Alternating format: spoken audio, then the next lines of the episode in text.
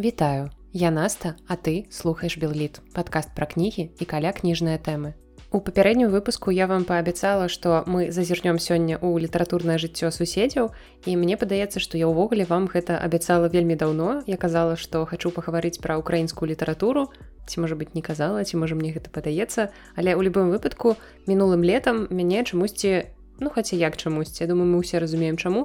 Мяне пацягнула да украінскай літаратуры. Я вельмі даўно хацела бліжэй з ёй пазнаёміцца з гэтай літаратурай менавіта сучаснай тому што класічную мы збольшага праходзілі калі я вучылася ва універсітэце у нас там быў курс украінскай літаратуры і там я чытала даволі шмат кніг але гэта ўсё была класіка тыя імёны якія і так былі ў мяне на слыху. Але сучаснымі аўтарамі было больш складана і вядома ж мы ўсе ведаем напрыклад таго ж Сергея жадана. Але пры ўсёй маёй любові да жадана яна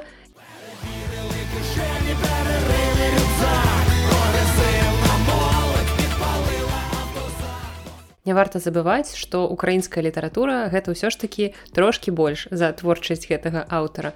Я думаю, што вас у гэтым якраз тры сённяшнія творы упэўняць, яны аказаліся вельмі разнастайныя і трапілі ў топ найлепшага прачытанага мною летась. Вось кніга атрымалася ажно тры, таму я вырашыла, што варта іх змясціць у асобны выпуск і зрабіць выпуск такі невялікі прысвечаны украінскім аўтарам. Я нагадваю ўсё ж такі, што працягваю серыю выпускаў, якіх з вамі дзялюся найлепшым прачытаным у мінулым годзе. Усё, што я вам вінная, пра што не расказвала, пакуль адсутнічала ў эфіры, цяпер я гэтым дзялюся. І гэты выпуск ён перад апошні з мастацкімі творамі, а потым вас чакаюць яшчэ два ці тры. Я пагляджу, як яны будуць атрымлівацца якога памеру. І там я буду расказваць расказваць ужо пра найлепшыя кнігі ў жанры нон-фікшн якія я прачытала летась. І ўжо пасля гэтага я нарэшце змагу з вами дзяліцца сваім актуальным чытаннем што я чытаю цяпер што мне падабаецца што не падабаецца бо ўжо зараз мне ёсць што вам сказаць бо з таго што я ўжо паспела прачытаць сёлета ёсць колькі твораў якімі мне хацелася б з вами падзяліцца але як той казаў у мяне трошкі абавязак перад вами невялічкая запазычанасць. Спачатку я разбяруся з творамі за мінулы год а потым ужо пачну расказваць вам пра найлепшыя творы якія чытаю цяпер Але перад тым як у сённяшнім выпуску перайсці да канкрэтных кніг я адкажу на некаторыя вашы пытанні. Ці просто зачытаю нейкія цікавыя каментары якія мне спадабаліся якія я атрымлівала да сваіх папярэдніх выпускаў. Я нагадаю што вы можете напісаць мне на пошту белліт пост сабака gmail.com вы можете напісаць мне ў google формы і вся гэта інфармацыя ёсць у апісанні да выпуску. Не саромцеся калі вам ёсць што сказаць або просто пакінуць нейкі каментарый то калі ласка рабіце гэта. Або таксама камент можна пакінуць калі пляцоўка на якой вы мяне слухаеце гэта дазваляе рабіць напрыклад кастбокс. На кастбоксе я атрымліваю пэўную колькасць каментарыяў і сама карыстаюся звычайна кастбоксам каб слухаць падкасты таму і вам раю такая хвілінка бясплатнай рэкламы бо калі вы слухаеце напрыклад мяне праз apple падкасты то на жаль яны не дазваляюць пакідаць каментарыі там можна толькі пакінуць адзнаку падкасту і напісаць там нейкі водгук. Гэта таксама карысна. Дарэчы калі вы слухаеце мяне праз apple падкасты то можете выстаўляць адзнакі мне там. Гэта будзе падымаць мой падкаст у рэйтынгу і магчыма пра яго даведаецца як мага большая колькасць людзей Ну, як вы памятаеце, у мяне ёсць такі вельмі падступны план завалодаць усім светам пры дапамозе майго падкаста, то вы можете дапамагчы мне на шляху да гэтай мэты. Вельмі высакароднай мэты, як я лічу, бо калі культура і літаратура авалодаюць светам, то гэта гэтаму свету пойдзе выключна на карысць. Бо як кажа дырэктарка нашай кнігарні кніжная шафа Настасся яна звяртае ўвагу, што калі ў чалавека ўнутры ёсць нейкая пустэча, то лепш запаўняць яе літаратурай чымсьці светлым, добрым і прыемным, бо інакш у іншым выпадку у гэтую пустэчу могуць запаўзаць іншыя не самыя добрыя рэчы. Тут без нейкіх эзатэрычных падтэкстаў хутчэй пра тое, што калі ў чалавека ёсць нейкі пэўны ўзровень эмпатыі які ў тым ліку можна атрымаць калі чытаеш кнігі то ён не дазволіць сабе рабіць многія рэчы з таго што дазваляюць рабіць людзі ў наш час. Нешта мне падаецца што з апошніх выпускаў мой падкаст стаў нейкі філасофскі можа ўжо варта перакваліфікавацца ў літаратурна-філасофскі літаратурна-разважальны падкаст. Але падаецца што гэта я просто расту станаўлюся больш сумнай больш нуднай і Таму мы працягваем я ўсё ж таки зачытаю каментары якія я атрымала напрыклад на сайце soundcloud я атрымала вельмі цёплы каментары ад карыстальніка з іменем алесь вельмі хочу падзякаваць за гэты каментарый і таксама там алесь пакінуў такі постскрыптум вярні для атмасфернасці звыклы джингл друкарскай машынкі і у мяне на гэта ёсць такі адказ. Бо на жаль як бы нам не хацелася час ідзе і ўсё змяняецца ў гэтым жыцці нічога не застаецца на сваіх месцах. І вось змена гукавога суправаджэння подкаста была маім такім свядомым рашэннем. Я не хачу да мінулых гукаў вяртацца таму все што я магу вам сказаць гэта прывыкайце да новых гукаў. Я думаю што яны не такія ж дрэнныя І я разумею, што 72 выпускі выжылі з папярэднім джынглам, а цяпер з'явіўся новы. Я таксама насамрэч вельмі вельмі не люблю ў жыцці нейкія перамены. Я заўсёды вельмі доўга адцягваю той момант, калі мне давядзецца нешта змяніць, але часам часам гэта ўсё ад нас не залежыць. І вось успрыміце гэта таксама па-філасофску мой джынгл не залежыць ад вас. Таму напишите ў каментарях насамрэч можа калі мне 300 чалавек напіша пра тое што папярэдні джингл быў лепшы то мне давядзецца пайсці за вами і вярнуць яго але калі вы просто разумееце што гэта штосьці да чаго вы прывыклі і тут яно змянілася і вы адчуваеце пэўны дыскамфорт то я вам могу сказаць што просто прывыкайце. Часам карысна вось такія нейкія новыя нейронныя сувязі ў галаве выбудоўваць. Наступнае пытанне я атрымала ў google формы ад ханны і атрымала я яго яшчэ ў красавіку але мне дагэтуль гэтае пытанне падаецца актуальным таму на яго я цяпер адкажу таксама. Ці ёсць магчымасць як дадатковую соцсетку весці твиттер Тут я магу сказаць, што на жаль ці на шчасце зараз я увогуле не карыстаюся ніякімі соцсеткамі сама для сябе. У мяне ёсць Facebook, але ён толькі для прыватных паведамленняў на уласна сцяне я там нічога не пішу. Таму пакуль што заводзіць нешта асобнае для падкаста я не планую. Калі-небудзь Магчыма, хто ведае і як толькі нешта зменіцца, я вам адразу паведамлю. Але пакуль што мне хапае пляцовак, на якіх я просто выкладваю гэты падкаст. Таксама калі выходзяць новыя выпускі, я дзялюся гэтым на старонцы нашай кнігарні кніжная шафа. можете таксама подписывацца. Я пакіну спасылкі на яе ў апісанні да выпуску. Вось там з'яўляецца інфармацыя пра мае новыя выпускі подкаста плюс пра падкаст кніжная шафа які мы вядзём разам з маёй калегай настай. Так што прынцыпе актуальная інфармацыя з'яўляецца там. Наступны камент я атрымала таксама ў google формы ад чалавека з вельмі мілым нікам гуллівы джо Дзякуй за вяртанне. Лепшая падзея пачатку 2023 года. Вас не толькі прыемна асэнсоўваць але і чуць. Спадзяюся калі будзе створаны беларускі аналаг сіры і алісы ён будзе звацца наста і гучаць вашим голасам Дзякуй, гэта вельмі прыемныя словы, асабліва цяпер, калі я записываю гэты выпуск, бо я раблю гэта раніцай, а я, мабыць, ніколі не записывала выпускі раніцай. І рэч у тым, што пасля сну мой голас трошкі ніжэй, чым звычайна і мне падаецца што ён гучыць неяк не так як заўсёды. Але я думаю што на запісе вы гэта нават не заўважыце. Але у любым выпадку дзякуй вялікі. Мачыма калі-небудзь я буду гучаць з калонак ваших аўтамабіляў не толькі ў якасці вядучай гэтага подкаста а яшчэ і як голас вашага навігатара. Праз 100 метраў кругавы рух неяк так это мусіць гучаць мне падаецца я баюся што толькі колькасць аварый на дарогах можа павялічыцца Ну і гэта канешне такая даволі амбітная мара стаць беларускім голасам аналага сіры але я не настолькі люблю свой голас каб на гэта пайсці нават калі б мне гэта прапанавалі. Але ніхто не прапановвае то і як бы пакуль што не трэба задумвацца на гэтую тэму. Яшчэ адзін важны каментарый прыйшоў у google формы ад владлена Добрый день, Анастасия. Заходил на Patreon, очень смутила ссылка на телеграм-канал Беллит в описании канала. Если проект находится под вашим контролем, актуализируйте, пожалуйста, все ссылки на Патреоне и обязательно как-нибудь сообщите об этом голосом в 76-м выпуске Беллит, ибо нет желания спонсировать кого-то другого. Удачи!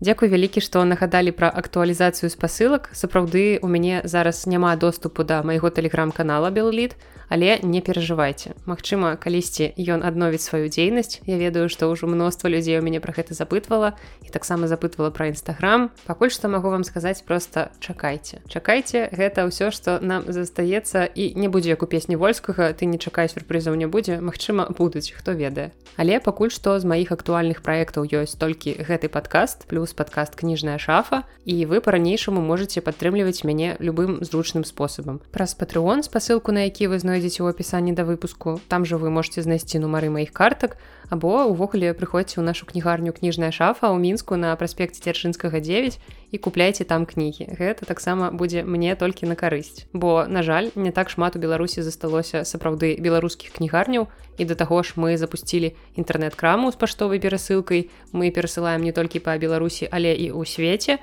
вось так актуалізавала інфармацыю як сказаў владлен і трошки сябе прарэкламавала Такім чынам падсумоўваючы зараз з актуальных пляцовак у мяне толькі падкаст белліт падкаст кніжная шафа можна мяне падтрымліваць на патрыоне і праз нумары картак якія указаныя у апісанні да выпуску і там таксама спасылка ёсць на маю пошту на мае google формы куды вы можете накіроўваць пытанні да мяне Ну а цяпер можна ўласна і да выпуска сённяшняга пераходзіць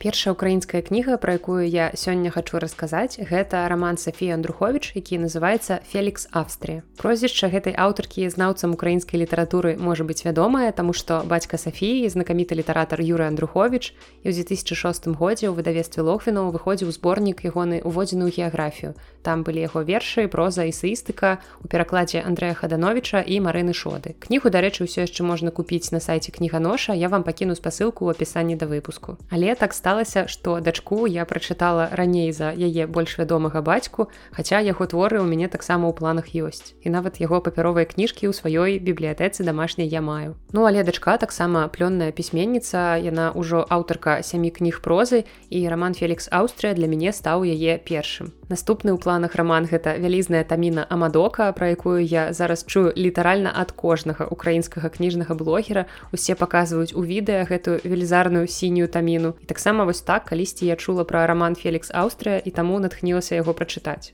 І тут у першую чаргу я перадаю падзяку свайму сябру перакладчыку Сергею матырку які гэту кілаграмовую таміну амадокі на 832 старонкі пёр мне ажно з берерліну як бы дзе яшчэ беларусы зараз могуць купляць украінскія кнігі толькі ў берерліне але папяровай версіі романа фелікс Аўстрыя у мяне не было таму давялося купіць гэтую кнігу ў электронным фармаце. Кніга выйшла ў 2014 годзе ў выдаўніцтве старэго лева аўтарка пісала гэты роман на працягу года тады яна жыла ў польшчы і пачала пісаць яго ў кракаве дзе жыла паводле стыпендыі гаўды палонія і падчас знаходжання ў кракаве Сафія жыла ў інтэрнаце які меў назву фелікс І калі пра гэта даведаўся яе бацька пісьменнік, то ён прапанаваў зрабіць назвай частку фразы, якая цалкам гучыць як Белла гарант Алій ту Фелікс Аўстрыя нубе. Няхай ваююць іншыя, ты ж шчаслівая Аўстрыя заключаеш любы. Гэта парафраза з верша Авідзія, вось так такімі словамі прыгожымі вызначыў аўстрыйскую гісторыю і лёс венгерскі кароль Мацьяш першы корвін і вось гэтае знакамітае выслоўе цытуюць, калі ўзвышэнне дынастыі Габсбургаў тлумачаць поспехамі іх дынастычнай шлюбнай палітыкі, пры якой маладыя эрцгерцы герцагі эрцгерцагіні выходзілі замуж ці ажаніліся ў дзяцінстве з прадстаўнікамі іншых дынастый ці нават за сваімі ўласнымі сваякамі. Ну і вось гэтае слово злучэнне фелікс Аўстрыя што ў перакладзе значыць шчаслівая Аўстрыя Сафія акурат зрабіла назвай свайго твора. Ну і да чаго ж тут габспрухі чаму раптам менавіта гэтая фраза стала такой важнай для Сафіі? Не проста ж таму што яна жыла ў сваім інтэрнаце і вырашыла так назваць твор. Насамрэч падзеі гэтага рамана разварочваюцца на мяжы 19 і 20 стагоддзя прыкладна 1900 год. Горад станіславаў які цяпер мае назву івана франкоўск зразумела ў гонар знакамітага украінскага паэта І гэты горад нам даволі вядомы. Гэта эканамічны культурны цэнтр прыкарпацця. Гэта адзін з трох галоўных цэнтраў гісторыка геаграфічнага рэгіёна галічына. І дарэчы у івана-франкоўску нарадзілася наша вядомая нобелеўская лаўрэатка Святлана алексеевич і цікава што на працягу гісторыі горад сваю назву мяняў. Ён быў то станіслаў то станіславаў. Але вось на момант калі адбываюцца падзеі кнігі гэта горад станіслаў які знаходзіцца ў складзе аўстра-венгрыі пасля раздзелу рэчы паспалітай але хоць гэты горад здаецца знаходзіцца далёка ад сталіцы ўсё роўна жыццё там не стаіць на месцы. Яно віруе і менавіта вось у гэтым горадзе разварочваюцца асноўныя падзеі рамана. Дзве галоўныя гераіні гэтай кнігі гэта дзяўчыны адэля і стефанія і прызнайцеся што пасля другога імені у вас таксама ў галаве загучала песня украінскіх пераможцаў еўрабачання. Мамо мамо гераіня па імені адэля яна дачка заможнага нямецкага доктара ангера а вось стефанія ёй не сястра яна хутчэй служка ў доме ангеру бо бацька адэлі удачарыў стефанію пасля таго як яе бацькі і яго жонка загінулі ў пажары. І адносіны дзяўчат можна назваць нават нейкай пэўнай хворай сузалежнасцю бо яны растуць і выхоўваюцца разам але сутнасць свайго жыцця стефанія акурат бачыць у служэнні адэлі сапраўды вельмі хваравітым служэнні і карыстаючыся сучаснай тэрміналогіяй можна нават у пэўнай ступені назваць іх адносіны таксічнымі. Бо часам адэля сябе паводзіць як самая сапраўдная жучка яна яшчэ не выносіць за сабой начны гаршчок і гэта за яе робіць стефанія але пры гэтым яны нібыта сяброўкі. І ўвесь раман па сутнасці апісвае жыццё гэтых дзвюх дзяўчын дакладней мы чытаем дзённік стэфы і такім чынам можа падавацца што перад намі той самы ненадзейны апавядальнік бо гісторыю мы бачым толькі яе вачыма і ўсё перакручана менавіта так як хацелася б стэфаніі і ў адносінах сям'ёй ангераў яна свядома выбірае такую пазіцыю ахвяры яна прыдумвае сабе нейкую фэйкавую прычыну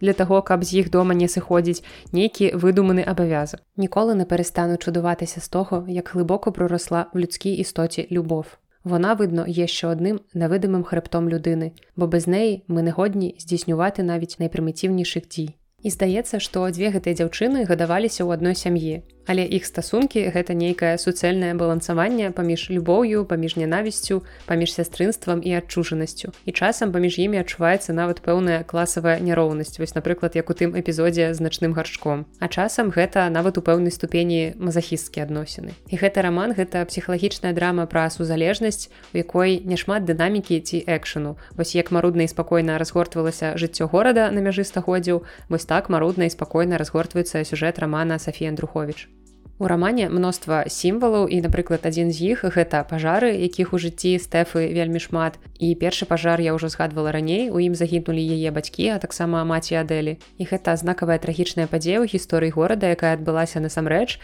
Яна называлася мармулядова пожежа, або па-беларуску гэта мармеладавы пажар. І гэты пажар змяніў аблічча горада Станіславаў. Паводле афіцыйнай версіі пажар пачаўся з двара сядзібы адной удавы, дзе 28 верасня 1868 года года двое яе наймітаў у вялікім катле на вогнішчы варылі калючае варэнне варылі мармелад. І паводле сведкаў агонь панёс вугольчыкі ад вогнішча на стайню якая належала суседу удавы і найміты не заўважылі што дах гэтай стайні пачаў гарэць. А далей ужо агонь распаўсюдзіўся на двор тагачаснага бургамістра горада які быў аддзелены ад удовенага плотам. Яшчэ не пачаўся сезон дажджоў і вялікая колькасць будынкаў тагачаснага горада станіславаў была драўляная і таму агонь вельмі хутка распаўсюдзіўся па горадзе і праз гадзіну гарэў ужо ўвесь цэнтр. Але на шчасце у гэты раз абышлося без чалавечых ахвяр. Таксама ў пэўнай ступені з агнём, але ўжо трошкі метафарычным, але трошкі і сапраўдным звязаныя і наступныя гістарычныя падзеі, бо на першы погляд Аўстра-Венгрыя ў той час падавалася вельмі трывалай дзяржавай. Але мы ведаем, што адбудзецца ў гісторыі далей, які агонь і метафарычны і неметафарычны ахопіць усю Еўропу. І ў творы, у прынцыпе, у апісаны перыяд таксама ўжо відаць ужо прасочваюцца пэўныя расколіны якіх у мірным грамадстве з'яўляецца ўсё больш моя любов надзейна нязмінна вечна вічна і непарушна як австро-угорска імперія і таксама вельмі сімвалічная назва гэтага рамана фелікс аўстрыя шчаслівая аўстрыя бо падаецца што ў рамане як мураш у бурштыне зафіксаваны ідэальны для горада перыяд. Бо гэты перыяд падаецца што пажар гэта ледзь не самая страшная бяда якая магла адбыцца ў горадзе. І далей усё будзе добра трагедыі засталіся недзе там далёка ў гісторыі Але зноў жа паўтаруся, што ў адрозненне ад герояў гэтай кнігі мы то ўжо ведаем рух гістарычных падзей наступны, што горад і Еўропу цалкам чакае першая сусветная вайна. Таму і чытаеш гэты раман з аднаго боку з усведамленнем таго, што гэта сапраўды вельмі прыгожы і шчаслівы перыяд у гісторыі горада, але з іншага боку ты ведаеш, што будзе далей. У напісанні гэтага рамана аўтарка карысталася газетай кур'ер станіславовскі пачатку два стагоддзя і ў мове яе рамана вельмі шмат галіцкіх дыялектызмаў, якія тлумачацца ў зносках. Але насамрэч гэта для нас проста паланізмы, калі вы валодаеце польскай мовай, то многія словы вам будуць зразумелыя ўвогуле без тлумачэнняў. Прынамсі я не памятаю, каб я зазірала ў нейкія зноскі. Але мова твора сапраўды вельмі сакавітая і гэта для мяне быў акурат той выпадак, калі няважна, што там будзе далей у тэксце, які сюжэт, які змест, бо проста хочацца бясконца назіраць за тым, як у аўтаркі словы сплятаюцца ў сказы. І гэта сапраўды нейкая проста слоўная магія, якая дадае кнізе нейкія нават пэўныя фэнтэзійныя адценні ты нібыта чытаеш не раман пра пэўную гістарычную эпоху з гісторыі краіны а сапраўды чытаеш проста нейкая фэнтэзі пра альтэрнатыўную чароўную аўстра-венгрыю. Нібыта і час і прастора ў творы пэўным чынам міфалагізаваныя і не адсылаюць нас да рэальных месцаў да рэальных падзей нават да рэальнай гістарычнай эпохі бо ўсе насельнікі горада розных нацыянальнасцяў суіснуюць у горадзе ў пэўнай гармоніі. І дарэчы я чытала што многім украінскім літаратарам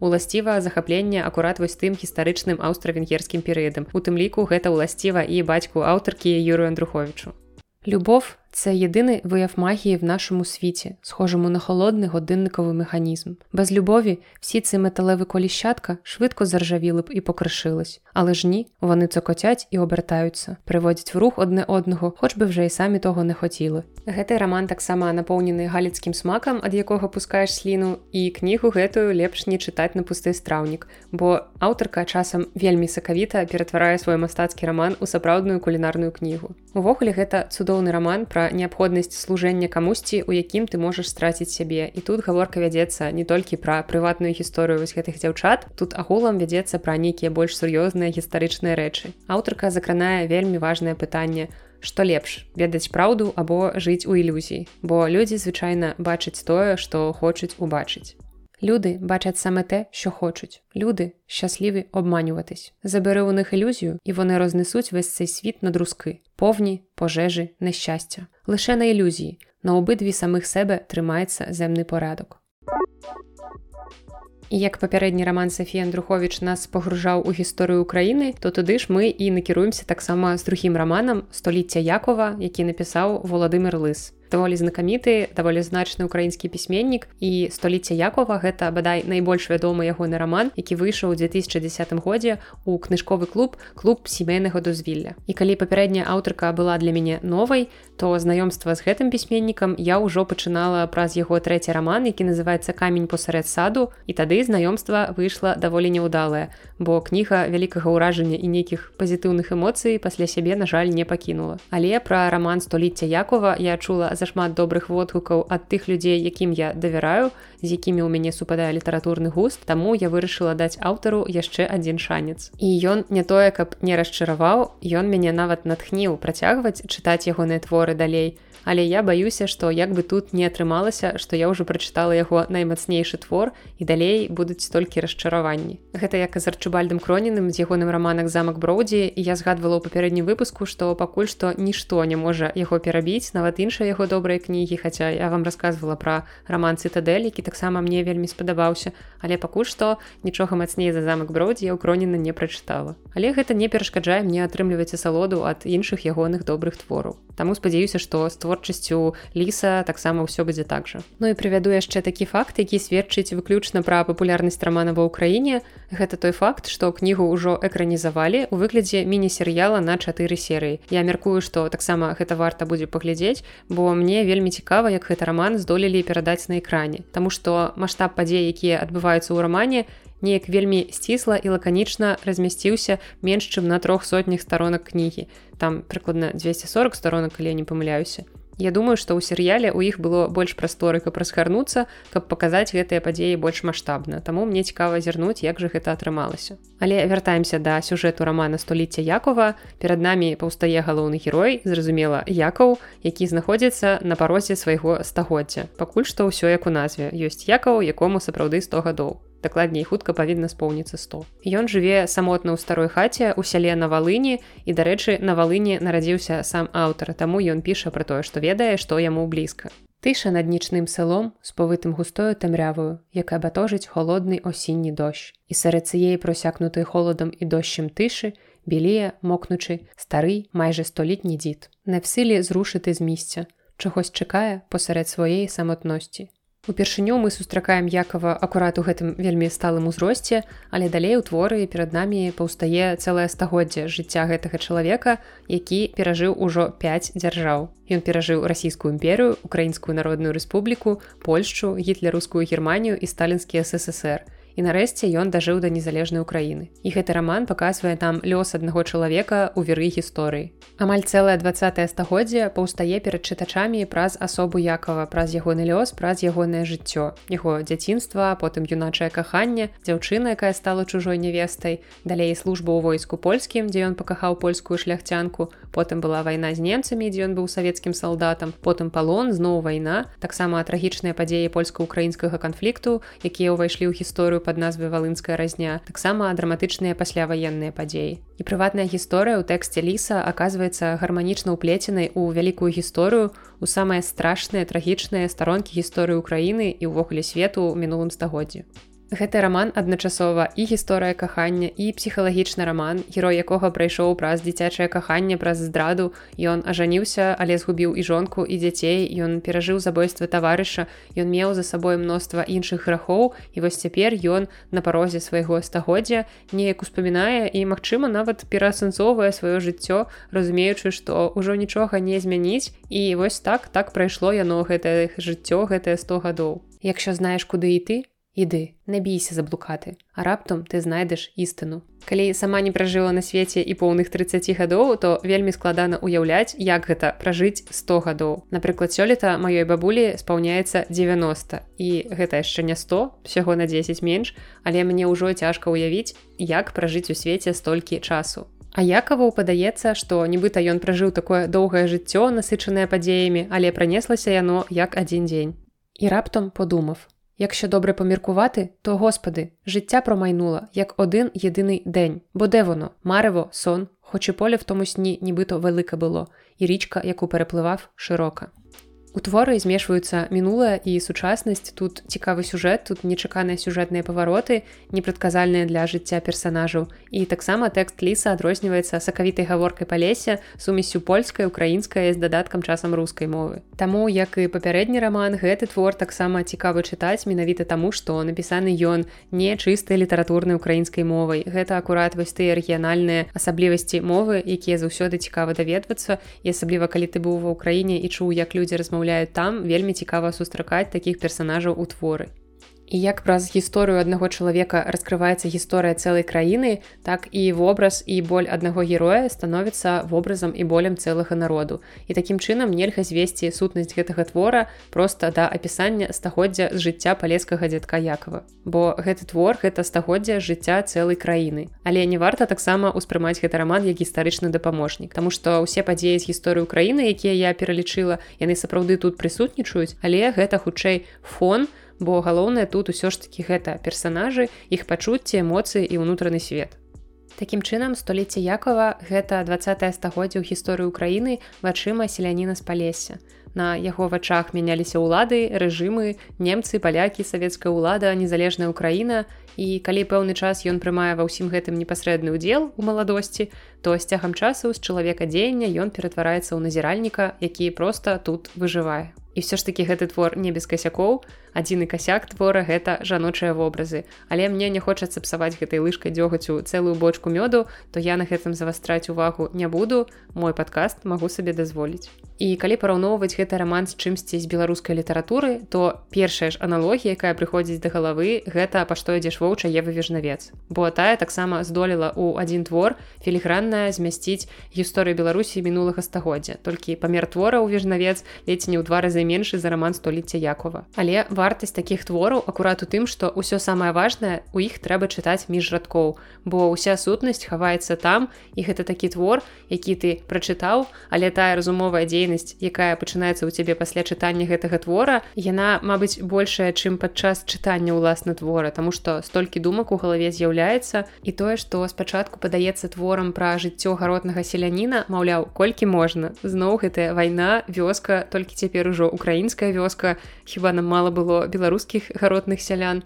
Насамрэч гэта ўсё аказваецца вельмі глыбокім і змястоўным творам дакладна вартым прачытання і важным не толькі для украінцаў Ну ўсё на сёння мы скончылі з такімі драматычнымі сур'ёзнымі тэмамі і зараз мы звернемся да твора які проста створаны для чытання у асабліва паганым настроі. Бо я вам гарантую што рагатаць вы будетеце гучна. І гэтую частку падкаста я прысвячаю свайму сябру Сергею макарэвічу якога вы ўжо чулі ў гэтым падкасці ў 36 выпуску. Мы разам з ім абмяркоўвалі падлеткавую літаратуру. І прысвячаю гэтую частку я з надзеяй што ўжо хутка сярожа і сам зможа гэта ўсё пачуць і паслухаць чытаюць і таксама дзякуючы сярожу я маю гэтую кнігу у папяровым выглядзе яна такая прыгожая бірузовая стаіць і упрыгожвае мае кніжныя паліцы. Такім чынам апошняя на сёння украінская кніга гэта карбіт Андрея любкі. Роман выйшаў у 2015 годзе ў выдавестве меридиан чарновец з усіх трох украінскіх аўтараў пра якіх мы сёння з вами гаворым Андрей любка наймаладзейшы яму 35 гадоў. І ён вядомы і як паэт і як празаік як аўтар раманаў зборнікаў кароткай прозы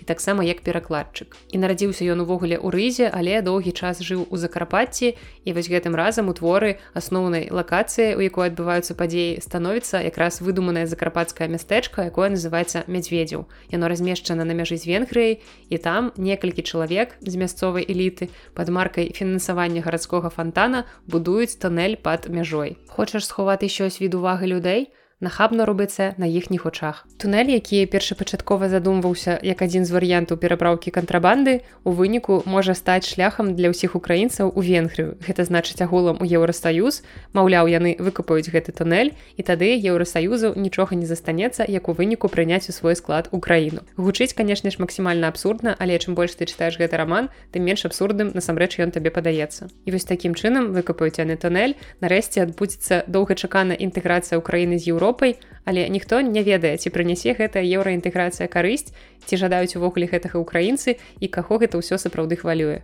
Залишалася зібрати у понеділок вранці містян, урочисто перерізати стрічку і повернути кран, після чого вода з водогону мала під тиском потрапити у фонтан єдності. А українці в Європейський Союз. Простота і геніальність ідеї навіть не снилася брюссельським бюрократам, які шлях України в ЄС бачили через реформи, багаторічну працю і відданість закону. Насправді ж, усе мало відбутися негайно і через дірку в землі. Вядома ж, чуючы слова кантрабанда, якое я згадала раней, адразу хоцькі няходзькі параўноўваеш гэты твор з раманамі пясецкага.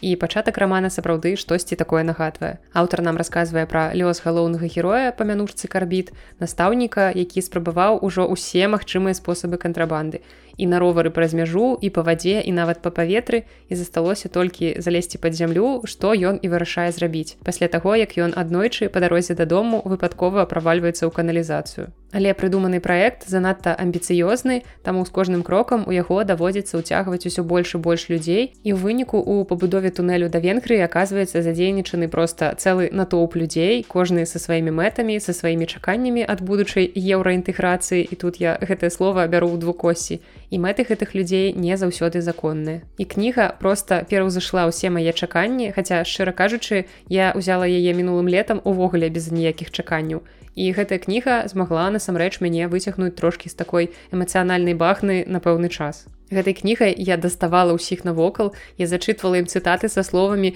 ну паслухай ну смешна жа праўда смешна і тое што з першых радкоў мне падалося простым ну такім даволі захапляльным раманам пра кантрабанду з добрай доляй іроніі гумару на самай справе аказалася нашмат глыбей. Бо тут замяшаная і паліталогія і гісторыя і геапалітыка і ўсё ж такі трошкі нават веды пра кантрабандны бізнес. Тут нават у пэўнай ступені нейкая кулінарная кніга з улікам моцных напояў Гэта яскравая вельмі гратэскавая сатыра на ўкраінскую сучаснасць заснаваная на уважлівым назіранні і аналізе чалавечых адносін. І гэта адносна невялікая у фізічным сэнсе паводле аб'ёму кніга больш распавядае пра менталітэт сучасных украінцаў, чым сур'ёзныя публіцыстычныя тэксты. Тюремне минуле не завадило виборцям проголосувати за кандидата, який у програмі клявся поважати закон і покращувати життя вже сьогодні. Зрештою, На початку того ж року українці обрали президента Зека, тож Ікар добре вписувався у парадигму побудови нової еліти. Твор нагадвае круцельскі раман, часам нават на мяжы з буфанадай, месцамі гэта такі сентыментальны раманс з элементамі чорнага гумару і аўтар паказвае нюансы з'яў якія толькі на адлегласці падаюцца чорна-белымі што дапамагае лепш зразумець сучасную украінскую ідэнтычнасць. І чытачы якія не цікавяцца украінай украінскімі праблемамі яны проста ўбачаць тут легкадумную гісторыю з нечаканым канцом. Але зноў жа гэта той твор які трэба чытаць у тым ліку і паміж радкоў І насамрэч скончыць сённяшні выпуск я хацела гісторыяй пра беларускую кнігу, бо я вам тут у гэтых выніковых выпусках расказваю не толькі пра добрыя кнігі, якія я чытала летась пра найлепшыя кнігі мінулага года, але яшчэ і пра найгоршыя. І так здарылася, што адной з найгоршых кніг мінулага году стаў якраз раман сучаснага беларускага аўтара міколы Адама, які называецца дачка. Ну яшчэ больш сумна ад таго, што па-за летась адной з найгоршых прачытаных беларускіх кніг быў іншы ягоны раман, які называецца сёстры. Ну і ці тут штосьці не так са мной, ці штосьці не так з творчасцю гэтага пісьменніка, ці штосьці не так з нашымі адносінамі. І гэта магчыма знак пра тое, што і не варта мне далей знаёміцца з ягонай літаратурай, Таму што па-першае гэта было сюжэтна вельмі слаба, часам выклікала вялікія сумневы увогуле увогуле змест гэтага твора, сутнасць ягоная, Ну і плюс як заўсёды вялікія праблемы з рэдактурай і карэктурай, але на гэта я ўжо не звяртаю увагі насамрэч. І ў мяне былі даволі амбітныя планы разабраць гэтую кнігу літаральна па кавалачках зноў жа зрабіць магчыма штосьці накшталт выпуска пра кнігу Віктора Праўдзіна пра парыша эфелеву вежу, дзе я цэлы выпуск вам расказваю неверагодны сюжэт гэтай кнігі, але потым я падумала, што я не хачу завастраць на гэтым увагу. Вось такі чалавек, не заўсёды мне хочацца з вами дзяліцца чымсьці такім што дакладна выключу у вас інтарэс. Я ведаю што вы любіце такія выпускі. Выпускі дзе мяне будзе бомбіць дзе я буду выказваць усё што я думаю пра гэтую кнігу. Але сёння мне не хочацца такога рабіць просто я у нейк агульных рысах патлумачу вам сюжэт гэтага рамана. Роман дачка міколы адама гэта гісторыя пра дзяўчыну якая знаходзіць свайго бацьку. І здавалася б так агулам гэта ўсё гучыць даволі нядрэнна. Але насамрэч гэта жахлівы твор пра інцэст. І тут такія мае слухачы стоп стоп стоп что гэта такое пачалося нешта цікавае ў нас ты ў падкасці. Але насамрэч гэта даволі сумная гісторыя про тое як жанчына заўсёды з'яўляецца нейкім сексуалізаваным аб'ектам пажады для мужчыны я не ведаю інакш як гэта патлумачыць тому что э, гэта твор про тое як дачка закахалася ў свайго бацьку. Магчыма там ёсць нейкія глыбокія падтэксты якіх я не расчытала. Трэба было чытаць гэты твор таксама між радкоў як і папярэднія добрыя украінскія кнігі але не ведаю я гэтага не зрабіла і нічога асаблівага ў гэтым творы не заўважыла. І сюжэт разварочваецца калі гэтая дзяўчына Аліса 18гадовая тэлефануе 37гадоваму пісьменніку Максу міллеру і кажа яму што яна яго дачка. Ну зразумела якія эмоцыі гэта звычайна выклікае у мужчын калі раптам у іх жыцці з'яўляецца нейкая такая дзяўчына якая паведамляе што яна яго дачка. Але ён у прынцыпе ёй верыць яна прапановвае сустрэцца і яны сустракаюцца. І далей у гэтым творы пачынаецца проста поўнае абы што Таму што з першых старонак з першай жа іх сустрэчы сам нібыта новы бацька ён бачыць гэтую дзяўчыну і адразу пачынае апісваць яе як ну пэўны сексуалізаваны аб'ект. Ён напісвае тое як у яе грудзі под кашулей было відаць ну і іншыя рэчы. Я ўжо на жаль кнігі не маю побач сабой я яе адразу ж аддала калі прачытала. І таму я не магу вам гэта зачытваць але магчыма гэта і да лепшага. І вось увесь твор ён апісвае яе менавіта так. Ён бачыць яе выключна бачыма мужчыны які бачыць перад сабой маладую прывабную прыгожую дзяўчыну не думаючы пра тое што ён яе бацька. Але сэнс у тым што і сама дзяўчына не супраць гэтага і яна таксама да бацькі свайго звяртаецца зусім не як да бацькі Ну і калі вы баецеся нейкіх спойлераў, то можете далей гэты выпуск не слухаць адразу пераходзіць да завяршэння, бо ўжо пра нейкія кнігі я расказваць у ім не буду. Але сутнасцю тым, што ўсё ж такі ў іх усё здараецца ў гэтым творы, але да таго як это ўсё здарылася, яна спачатку доўгі час спрабуе яго спакушаць, але ў гэты час ён спіць з іншымі жанчынамі. І ведаеце, ёсць такая сусветная ўзнагарода за апісанне найгоршага сексу ў гісторыі літаратуры. Яна ўручаецца штогод і вось гэтая кніга дакладна заслугоўвае гэтую прэмію, Таму што У гэтым творы сапраўды даволі жахлівае апісанне нейкіх эратычных сцэн. І калі адысці ад нейкага снабізму, то гэты твор можна было б успрымаць як такі цікавы узор беларускай эратычнай літаратуры. Гэта было б цудоўна, але чытаць гэта насамрэч даволі складана бо апісанні з гэтага твора нейкія эратычныя яны не выклікаюць нейкія прыемныя пачуцці прыемныя скажем нават вырушэнні ўнізе жывата яны выклікаюць выключна фейспалмы. Я чытала сапраўды з далонькай прыкладзенай да лоба ўвесь час гэты твор. Ну і найгоршае адбылося ў канцы гэтага твора калі аўтар нібыта апраўдвае інцэст. Маўляў калі два чалавекі кахаюць адно аднога якая розніца якія ў іх там сямейныя стасункі. І я б таксама магла б усё гэта вам зачытваць дакладнымі цытатамі але ў мяне няма жадання няма кніжкі под рукой. Просто паверьце мне мне на слова хлусіць я вам не буду. І сэнс у тым што ён нібыта сапраўды апраўдвае ўсё гэта. Я не лезу ў асабістае жыццё іншых людзей але чытаць гэта ў літаратуры мне не вельмі цікава. Таму вось такі мой вердыкт. Я паставіла гэтай кнізе даволі нізкую адзнаку. І больш я думаю што я з творамі гэтага аўтара сустракацца не хачу Магчыма, дарэмна, магчыма, у яго ёсць нейкія цудоўныя творы больш раннія, але два яго апошнія раманы, што я прачытала, гэта дачка і сёстры, нейкія сямейныя адносіны суцэльныя. Яны былі для мяне жахлівыя і нецікавыя і даволі нізкаякасныя. Таму вось такі мой вердыкт чытаць гэта далей мне наўрад ці прынясе нейкую асалоду. Але калі вы чыталі штосьці іншае з творчасці гэтага аўтара, то можете мне напісаць, або калі вы чыталі гэтыя творы і яны вам прыйшліся даспадобы, таксама можете напісаць, мне было б цікава гэта абмеркаваць. І магчыма, ўсё ж такі хтосьці з вас мяне натхніць на тое, што я запішу сапраўды цэлы паўнавартасны выпуск і разбяру, што ж мне ў гэтым творы не спадабалася больш падрабязна. І ўсё ж такі пад канец выпуска маё горла ўжо трошкі пачынае здавацца ўсё цяжэй мне прамаўляць нейкія больш доўгія сказы. Мне даводзіцца спыняцца пасля кожнага сказу канешне ж потым я выражу усе гэтыя паўзы каб вы думалі што такая цудоўная прамова ліецца з мяне але насамрэч не ўжо трошкі пабольвае горла і менавіта таму выпуску падкаста не было так доўга што былі пэўныя праблемы ў мяне з горлам як вы чуеце трошкі голас сапраўды ўжо зараз ніжэй і нос пачынае закладваць карацей стандартныя праблемы лютаўскага надвор надвор'я ў беларусі Як і абяцала, у наступным выпуску мы ўжо скончым з мастацкімі найлепшымі творамі, якія я чытала летась і потым пяройдзем да літаратуры ў жанры нон-фікшн. Дзякую усім, хто паслухаў гэты выпуск. Дзякую усім, хто піша цудоўныя каментарыі з падтрымкай. Гэта вельмі важна, гэта заўсёды натхняе. Я звычайна перад тым, як пачаць записываць сцэнарый для выпуска або уласна выпуск, я перачытваю ваши цёплыя каментары і яны мяне нібыта узбадзёрваюць, бо нават калі ў мяне мала матывацыі сесці і нарэшце пачаць пісаць сцэнарый, то ваши словы мяне заўжды падтрымліваюць таму ведаеце калі выпускі даўно не выходзілі то можна просто натхніць мяне парачкай добрых цёплых каментарыяў і мае суседзі зверху ўжо пачалі рамонт нібыта яны кажуць мне што што гэта за дыгрэсія такая пачалася. Ты ўжо здаецца пачала завяршаць гэты выпуск але яшчэ зараз на 5 хвілін тут нагаворыш. Таму на сёння гэта ўсё. З вами была наста і падкаст белліт да сустрэчы